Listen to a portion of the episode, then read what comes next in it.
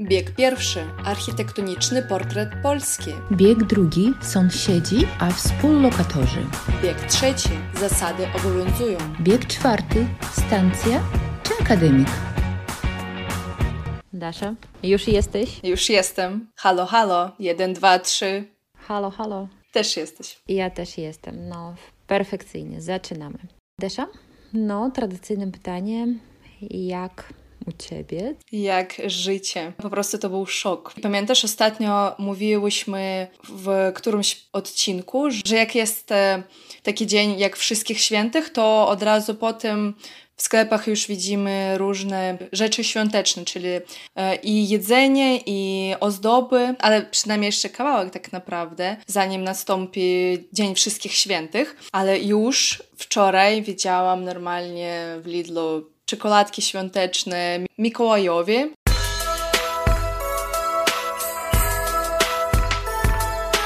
Znaczy to jeszcze tak e, ekspedientki rozkładały ten towar, no ale już takie przygotowania się zaczynają. Naprawdę wczoraj było jeszcze lato, a już te bombki, te gwiazdki już? Dlaczego tak wcześniej? To no konsumpcja, tak? Jak mówiłyśmy, żeby jak najwięcej sprzedać, to trzeba jak najwcześniej zacząć, nie?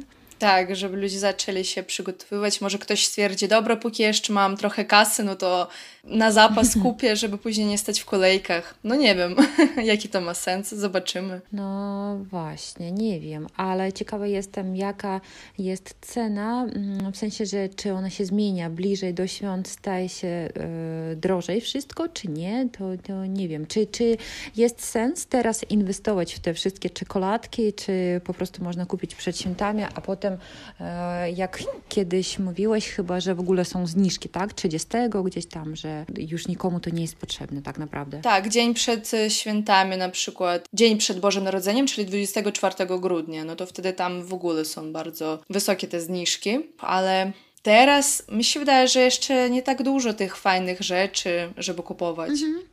No w ogóle nie ma nastroju jeszcze chyba, tak? No, no jakie bombki jeszcze? Właśnie o to chodzi, tak, masz rację. Więc tak to u mnie wyglądało śmiesznie.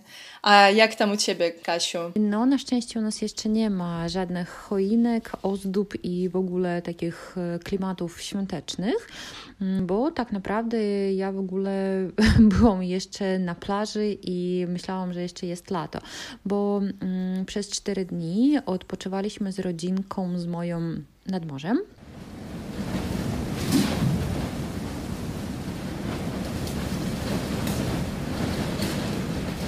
Tutaj w obwodzie kaliningradzkim, nad Bałtykiem naszym ukochanym i to e, było tak ciepło, było około 20 stopni, można było opalać się naprawdę, ktoś nawet się kąpał, widziałam takich e, szaleńców i to chyba woda nie była aż taka ciepła, ale ludzie korzystali z tej okazji. No ekstra, ekstra. No, no właśnie, ja bym się nie odważyła, ale ciekawie było popatrzeć na takich morsów, jak to się nazywa. No to super, Kasiu, a powiedz mi, czy wynajmowali wynajmowaliście mieszkanie, apartamenty, czy to był hotel? Jak to wyglądało? Nie, to nie był hotel, to znaleźliśmy takie mieszkanie na e, stronie internetowej Avito, to coś w rodzaju Allegro i to po prostu takie można powiedzieć, apartamentowiec, bo bardzo, bardzo dużo się buduje nowych e, takich domów nad morzem.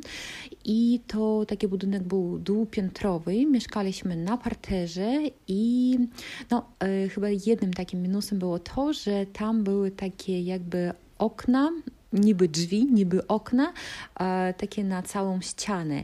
I byłam bardzo zdziwiona, że ludzie, którzy szli obok, czasem zaglądali do naszego mieszkanka i czułam się, że jestem, no nie wiem, gdzieś w zoo być może, albo w akwarium, to w domu tak naprawdę mieszkam na piątym piętrze, więc nie mam szansy kogoś zobaczyć przez okno, no chyba, że jakiś, nie wiem, remont, ale tutaj no, po prostu byłam zdziwiona, że, że tak blisko jestem do tej ulicy, do chodnika i, i w ogóle. Że nie mogłaś się czuć swobodnie, nie? No tak, tak. Wiesz. Jakby zero prywatności, o, o tak właśnie. powiem. No tak, ale, ale e, jeszcze jednym minusem jest to, że w nowych budynkach zawsze są remonty, takie dźwięki że ze wszystkich stron, e, ale dużo spacerowaliśmy, więc prawie nie, nie odczuwaliśmy tego dyskomfortu, więc to było spoko, było fajnie i to właśnie dzisiaj chciałbyśmy porozmawiać o mieszkaniach, o domach, o budynkach itd. Dobrze. Dasz, no ты уже так долго живешь в Польше, и я думаю, ты просто можешь стать уже экспертом по выбору жилья, квартир. Даш, где тебе вообще довелось пожить в Польше за те годы, которые ты там находишься? Конечно же, сначала я жила в общежитии. Мешкала в академику. Э, общага — это академик по-польски. Даша, а, кстати, ты знала, почему академик называется академик? Нет, но я думаю, что это не от слова академия, да? Ну, слушай, дело в том, что э, первое общежитие студенческое, которое было построено в Польше, оно и по сей день находится там же, оно просто называлось Дом студентский академик.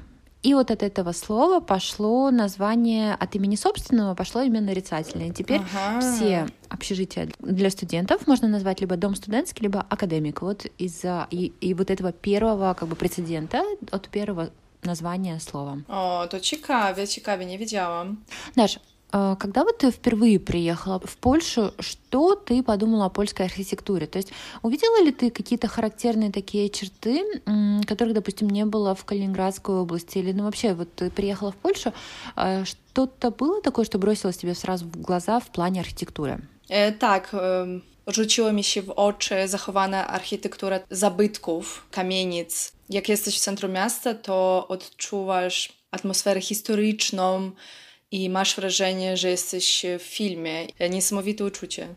No, to się zgadzam. No, опять же, wydaje mi się, że to jest bardzo charakterystyczne dla większych miast в Польше, что это все-таки характерно для больших городов. Ну, тут тоже стоит сказать, что исторически, да, так сложилось, что Польша абсолютно разноплановая в плане архитектуры, да, то есть получается, что Гданьск э, можно еще в чем-то сопоставить с Вроцлавом, да, два твоих таких города основных, но это будет абсолютно другая архитектура, чем в Белостоке, допустим, или в Люблине, или в Кракове, да, потому что эти территории были разделены э, среди разных стран, и, естественно, это не могло не повлиять на архитектуру, потому что, естественно, привычная нам готика, которая есть и в Калининграде еще некоторые остатки, и Гданьск, и тоже во Вроцлаве, то, естественно, в том же Люблине это уже будет э, немножечко другое направление, там больше к барокко, наверное, ну и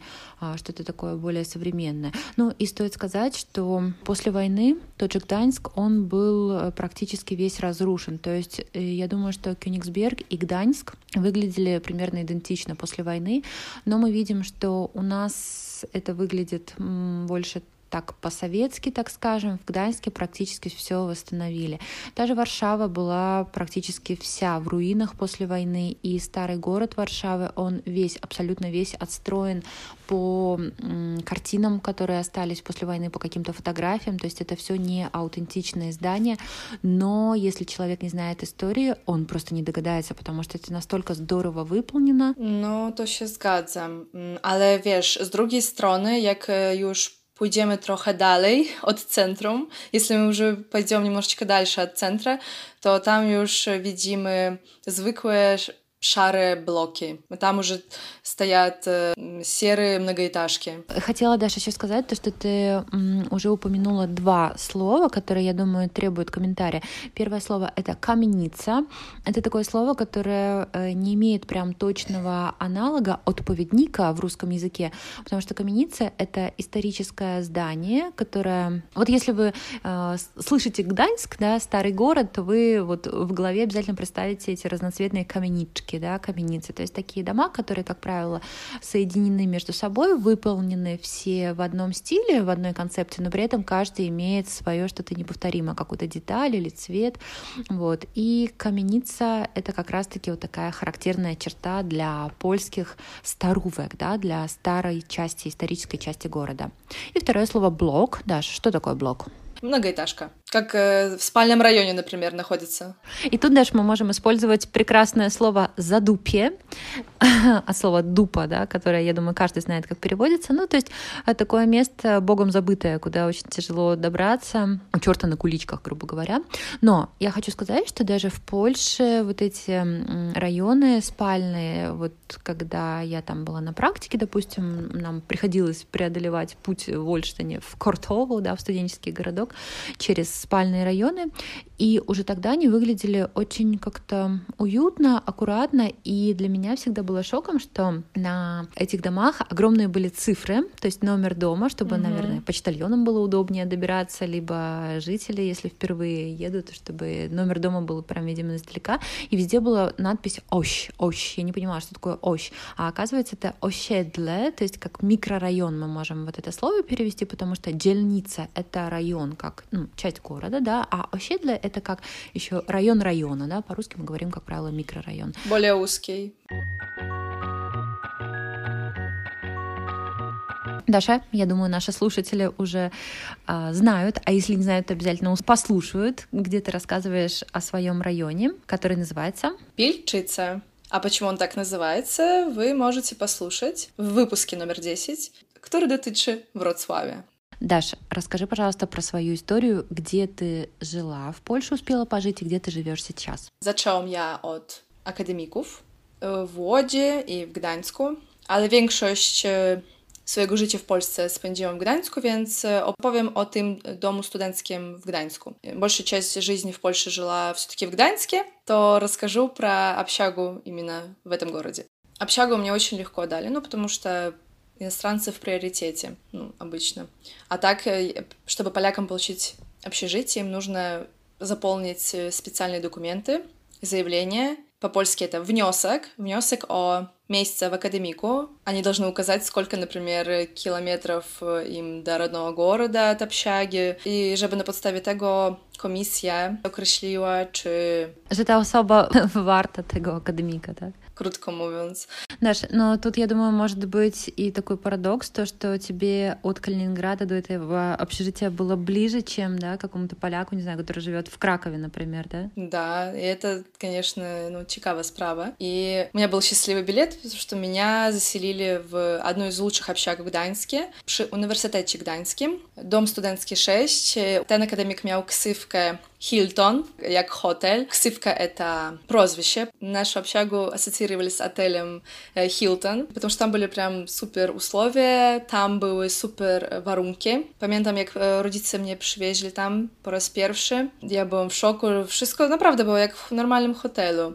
A i jeszcze jedna sprawa, że ten akademik jest centrum miasta, że ja normalnie miałam widok na Starówkę. У меня с общаги, с окна общежития, моей комнаты открывался вид на старый город. Даша, а скажи, пожалуйста, ты э, могла выбирать общежитие, э, если бы, допустим, тебе дали бы не это общежитие, а какое-то другое, был ли у тебя шанс, ну, выбирать? То есть вообще, э, как это все происходит? Просто повезет, не повезет, или ты сама выбираешь? Mówiąc szczerze, ja teraz mówię pod kątem Gdańska. Ja сейчас говорю именно как у нас было в Гданьске. У нас, naprawdę, trzeba było walczyć o miejsce w akademiku. U nas na, нужно было реально бороться за место в общаге. Bo ja też miałam taką sytuację, że dostałam akademik w na którymś roku studiów w Sopocie. I ten akademik był bardzo daleko od коммуникации miejskiej. Как-то меня поселили в общагу в Сопоте в каком-то году. Она была очень далеко от э, любой остановки. Воронки там были просто слабое, фатальное. Там были очень ужасные условия. А если говорить про ужасные условия, для меня ужасные условия — это когда в вашей комнате нет отдельной комнаты с туалетом. I wtedy ja musiałam dzwonić, chodzić, pisać maile i udało się w końcu. Ну, я писала имейлы, звонила, приходила. Ну и удалось, мне поменяли... Общ... Просто вот они говорят, у нас нет мест, нет мест, не мамы мест, не мамы мест. Но когда я долблю их постоянно, они говорят, внезапно место появляется. Вот поэтому, mówią, że my nie mamy już więcej miejsc, proszę dalej walczyć o to, naprawdę. Если вам говорят, что все, у нас больше нет мест в этой общаге, то, пожалуйста, не сдавайтесь, идите до конца, потому что они есть, они находятся каким-то магичным образом. Ой, то tego nie wiedziałam.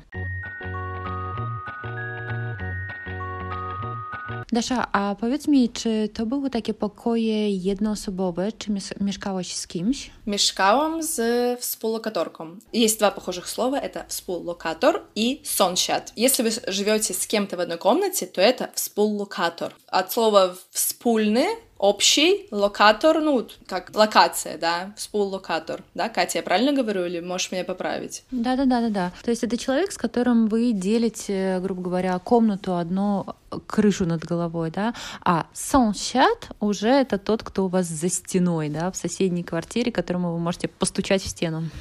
Да, но я сначала все равно мне было тяжело немножко привыкнуть. Я говорила, я мешкам с sąsiadką, моя sąsiadka, sąsiadka. Ну, что я с соседкой. No po rosyjsku nie ma odpowiednika, tak? U nas просто сосед и сосед. Так, я mieszkałam в академику 4 лата. Я жила в общаге 4 года. И miałam в сумме 3 współlokatorki. У меня было всего 3 соседки. Нет, не в одном э, помещении, не переживайте. Это просто каждый год я жила с кем-то другим. И последние два года y, mieszkałam z współlokatorką, z którą teraz my w sumie jesteśmy przyjaciółkami i mamy cudowne relacje. Твоя компела, так? Dokładnie. Ну еще, понимаете, что сосед — это тоже лотерея, то есть лотерия.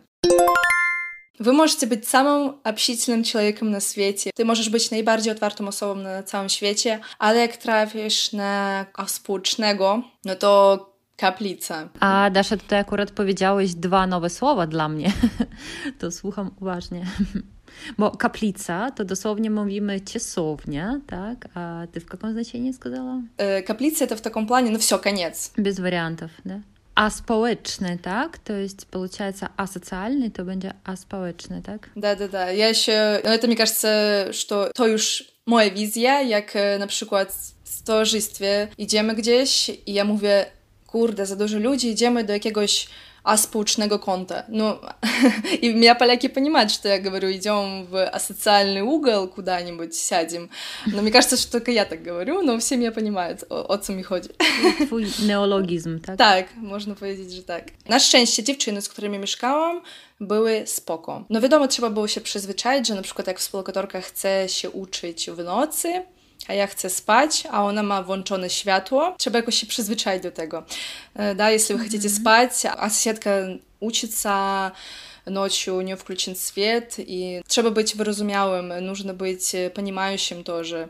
No, e, Desza, jedno to się uczyć z włączonym światłem, ale jak z imprezami? Jeśli twoja koleżanka ma urodziny na przykład i imprezuje non-stop, то e, я просто знаю по своим ученикам, что иногда не уживались они с ребятами в одной комнате, потому что, ну, разные были абсолютно характер, да. Требы жича. Да, да, да, потому что если с вами живет в комнате какой-то поляк, который проходит на первом курсе программу, которую он прошел уже в школе, ему, в принципе-то, особо не надо напрягаться. И вы, да, человек, который приехал из другой страны, абсолютно с другой системы, и вам даже элементарная лексика, которая, там, не знаю, в начальной школе пройдена поляками, она будет новой, естественно, вам нужно будет сидеть и априори больше времени тратить на обучение, и если кто-то рядом тусуется или там играет в компьютерные игры, как э, тоже мне ребята говорили, бывали такие случаи, то ну, приходилось даже и снимать квартиру, потому что ну, просто нереально было ужиться с таким соседом. Так, też się zgadzam, więc już jak można wybrać opcję, to już lepiej cicha współlokatorka, która się uczy spokojnie, niż taka imprezowiczka, no nie? Лучше спокойная тихая соседка, чем какая-то такая тусовщица, да. А, Даша, а вообще можно ли в общежитиях устраивать какие-то именно такие шумные мероприятия, там типа праздники, вечеринки, какие-то импрезы? Общежитие наше находилось в центре города. Вокруг общаги не было места, чтобы погриловать, почиловать. У нас сразу просто была дорога и была репутация спокойного академика. Czyli coś za coś, да? То есть получается, с одной стороны, у вас такое престижное место, с другой стороны, особо вы не можете tam wyjść poszumieć kуда-то. Tak, więc imprezy wszystkie odbywały się takie grube na kampusie. Там был студенческий городок больше, и там уже все между общагами прям могли встречаться и вместе тусить, например. То у нас такого не было, но мы spokojnie właśnie już z sąsiadkami, z sąsiadami spędzaliśmy czas w pokoju u kogoś No i tyle. No i też było fajnie. Też, czy obowiązuje tam cisza nocna? Tak, jak najbardziej. Po 22 bodajże, после 22 часов уже в tygodniu, to jest na niedzielę, к вам не могут прийти гости, а в weekendy po 23 jest cisza nocna, czyli od 22 do 6 rano albo od 23 do 6 rano. I też uwaga, jeżeli вы в nocy wracacie z klubu na если вы ночью возвращаетесь из клуба, вы можете не попасть в общежитие.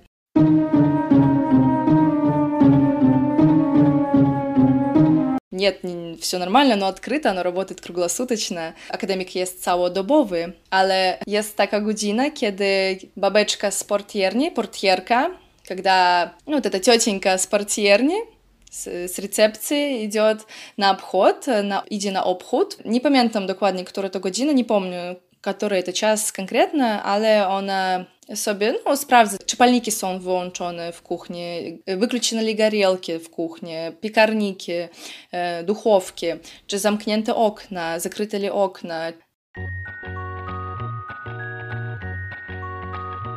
Даш, а ты сказала, что ваше общежитие называлось попросту э, Hilton, tak, tak, czy tak. numer 6, a czy to była jakaś oficjalna nazwa? Bo pamiętam, że u nas w Olsztynie był Bratniak, a в Częstochowie to był Skrzat. То есть, насколько я помню, вот мы когда жили э, на практиках на разных общежитиях, названия у нас общежития были Братняк и Скшат, и Скшат это переводится как домовой, то есть, ну, такие тоже забавные названия. Э, нет, у нас это было była potoczna nazwa. Dasz, powiedziałeś, że w akademikach są współlokatorzy, sąsiedzi, babeczki.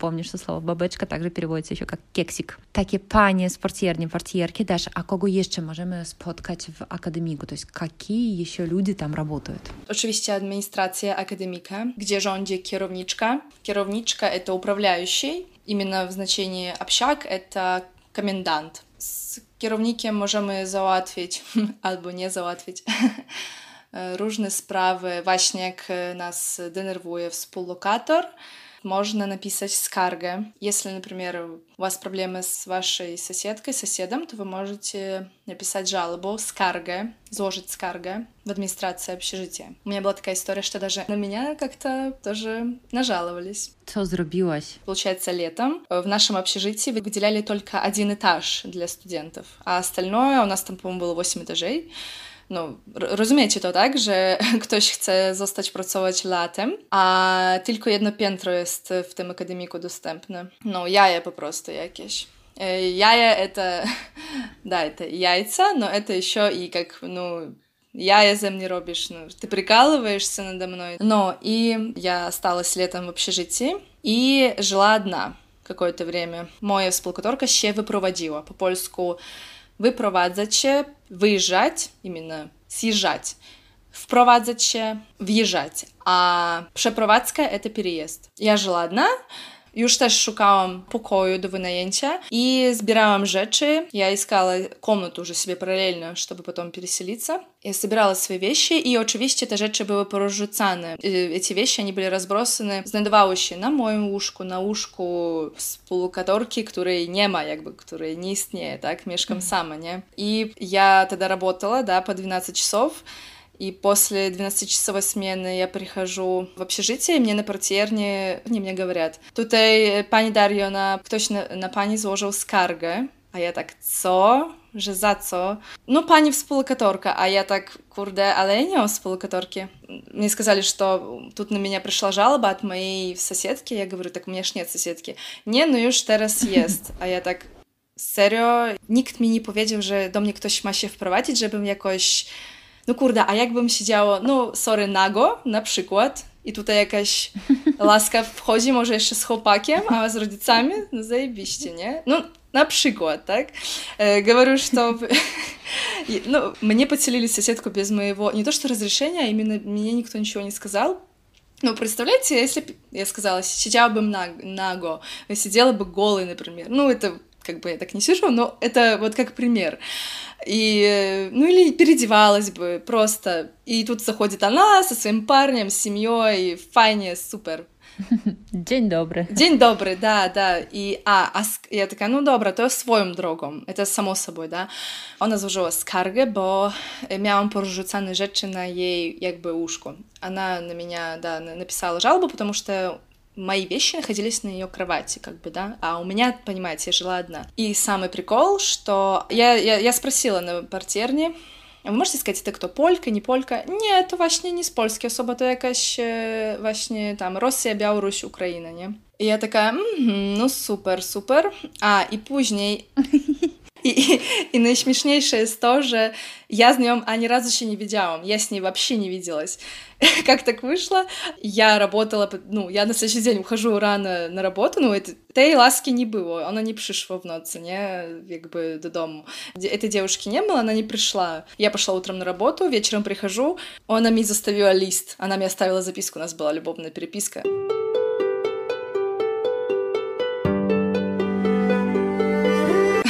и написала на русском «Извини, пожалуйста, что я на тебя настучала». И я такая «Серию? Ну, добре, окей». А потом получилось так, что я уехала во Вроцлав на несколько дней. Поїхала до Вроцлавia на кілька днів, і później як wróciłam, когда я вернулась, то jej już nie było. No więc taka śmieszna historia. Aha, czyli to, to nasze jakieś widmo to było, to może nie, nie tak. był człowiek jakiś, to po prostu to, coś takiego nierealnego. No to super historia. Akademik ma bardzo dużo plusów. No po pierwsze, jak jesteś studentem świeżym, no to przyjeżdżasz, poznajesz nowych ludzi. Ты свеженький студент, приезжаешь, узнаешь новых людей, таких же студентов. Сразу можно с кем-то познакомиться с pierwszego roku studiów, z czwartego, z doktoratu nawet. Poszukać giełdy. My już знаем, что это такое. Czyli listę pytań, egzaminów poprzednich lat. Akademik to przede wszystkim тanya справа. Общага обычно по очень доступной цене. Если мы говорим про именно цены в Польше, да, на квартиры в целом и на общежитие, то я платила 430 злотых на początku, 430 zł ja сначала платила, потом через год 440 i tak zostało. Teraz sprawdziłam, no to już 455. Ja mieszkałam tak, miałam jedną współlokatorkę, miałyśmy lodówkę, u nas był холодильник, łazienka osobno z kiblem, туалет, тут опять появляются новые слова, кибель, это поточnie, толчок, prysznic, a, i no kuchnia była na korytarzu dla wszystkich, dla jednego piętra. Kuchnia była jakby w korytarzu, w oddzielnym pomieszczeniu dla wszystkich. Nigdy tam nie było kolejek. Zawsze mogłam sobie zrobić śniadanie, obiad. A Desza, jak z tymi znanymi kradzieżami mhm. studenckimi, tak, że ktoś podjadał wszystkie parówki, czy zjadł zupę podczas gotowania. Czy miałeś coś takiego? Что а, студенты вечно голодные, да, тоже такой есть стереотип и не стереотип, что, допустим, ты поставила варить суп какой-то, ушла на минуточку, а супа нет, голодные студенты его съели. Было ли у тебя что-то подобное? Z jedzeniem nie miałam, ale miałam podobną historię в Лоде. У меня была похожая история в Лоде, в общаге. Тогда я поставила на коридор сушить вещи na сушилке. Na suszarce miałam rzeczy po praniu, после стирки. Później zdjęłam te rzeczy, sняла эти вещи, wróciłam do pokoju, Wychodzę na korytarz, żeby zabrać suszarkę, вернулась в коридор, чтобы забрать сушилку, а ее нет.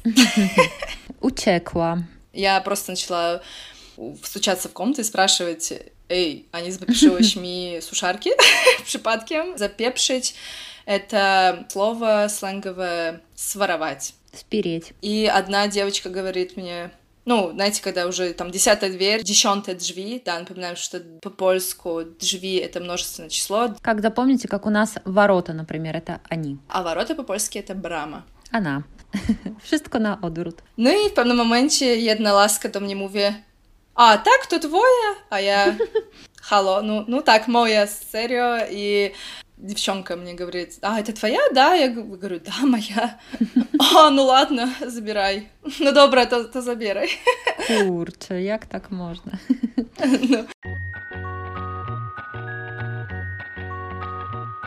Даша, скажи, пожалуйста, а вот, вот это у вас э, люксусовое, да, было общежитие, получается, класса люкс, а как-то отражалось ли это на цене, да? То есть, например, если ты хочешь немножечко сэкономить, можешь ли ты выбрать общежитие чуть проще? Jak najbardziej, tak. Można znaleźć akademik o niższym standardzie trochę. Można znaleźć общежитие стандарта ниже. Jak teraz sprawdzałam ceny w Gdańsku, najtańszy akademik kosztuje teraz 370 zł. 370 zł сейчас стоит самое дешевое общежитие w Gdańskie. Toaleta jest na korytarzu, prysznic też, toalety i dusz w korydorie i bardzo mało miejsca, że na przykład odległość pomiędzy łóżkami w pokoju jest, no to wygląda prawie jak podwójne małżeńskie łóżko. A ile osób maksymalnie może mieścić się w pokoju? Dwie, dwie. A, zawsze, tak? Nie ma trzypokojowych. Są, есть трехкомнатные общежития, трехместные да, комнаты, но в Гданьске я не помню как, но во Wrocławiu точно есть. Moja kuzynka mieszkała właśnie w takim pokoju, mhm. gdzie z nią mieszkały jeszcze dwie dziewczyny. Czyli każdy znajdzie na swoją kieszeń, tak, odpowiedni akademik, да? Тоже każdy po swojemu tak. karmanu i koszelku znajdzie sobie общежитие. Dasza, ale wielu z moich uczniów szukało właśnie nie akademika, tylko станции. Wśród Twoich znajomych były takie osoby, то есть даже среди моих учеников довольно многие ребята, и я тоже помогала некоторым, искали именно квартиру, да, то есть не все хотят жить в общежитии по разным причинам. И скажи, пожалуйста, среди твоих знакомых были именно вот такие ребята, кто снимали комнату, либо именно целую квартиру? Например, на первом курсе поляки в основном жили w kwartierach. Czyli na przykład osoby tam ze wschodu, tak krótko mówiąc, to one raczej mieszkały w akademiku, a osoby z Polski, no to właśnie w mieszkaniach. No, потому что поляки не все получают возможность жить в общежитии, да. Кто-то, может, сразу так хочет, не знаю, Jakby zależy, tak? Że ja mieszkałam w, w akademiku i było dużo też Polaków. И мы сказали еще слово станция, да, то есть не думайте, что это кто-то жил на вокзале. Есть слово стация, kolejowa стация, бензиновая, да, это станция. А вот слово станция, которое так похоже на русский язык, это именно вот это студенческое съемное жилье, где вы можете, есть много объявлений, да, где вы можете найти именно в которая и уже вместе снимать эту искать квартиру, чтобы было подешевле. Еда моя koleżanka mieszkała po prostu u dziadków, nie swoich, ale u dziadków, którzy po prostu wynajmowali pokój. И интересно, что в польском языке глагол «вынаймовать», «вынająć» обозначает как сдать жилье, так и снять жилье. Да? То есть, например, «вынаймуя мешкание» без контекста не всегда понятно, это я арендую квартиру или я сдаю квартиру. Да? То есть тут уже нужно mm-hmm. более побольше информации, чтобы понять, что мы имеем в виду. Да, да. Например, если кому-то, то можно сказать «вynajmę komuś», так? «Wynajmę osobie niepalącej на przykład, да, mm-hmm. сдам квартиру человеку, который не курит. Даш, ты рассказала про кампусы.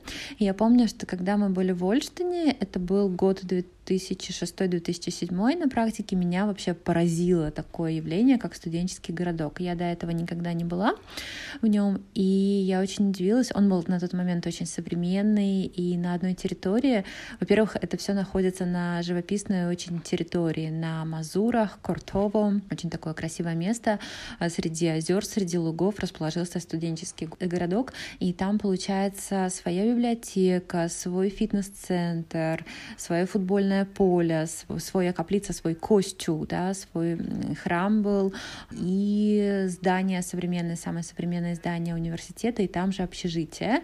И поэтому это был прямо для меня новый мир, то, что ты можешь, грубо говоря, никуда не выезжать, даже если захочешь, потому что там был магазин, парикмахерская, клуб, все было в одном месте, все для студента. То есть это было очень классно.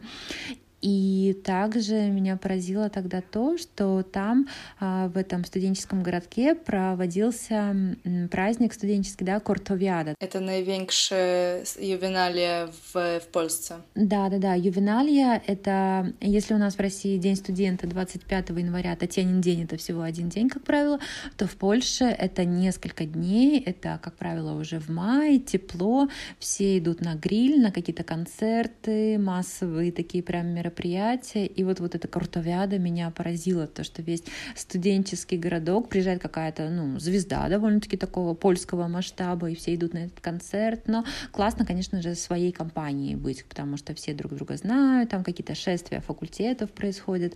Даша, а в яких кампусах ты byłaś? В Гданьску, обок университету Гданьskiego. Возле Гданьского университета э, есть кампус, и там прям э, академиков, сосредоточение общежитий. Codziennie coś się robiło, tam nawet jest jakiś pub обок. Получается, да, вот в кампусе. Каждый вечер что-то там происходило, и там даже рядом был какой-то бар, очень дешевый там алкоголь. Ну, понятно, для студентов э, все очень этому были рады. Также был на кампусах э, пrzy Полибуде. Также удалось мне потусить в общагах Гданьского политеха gdzie jeszcze więcej było szału.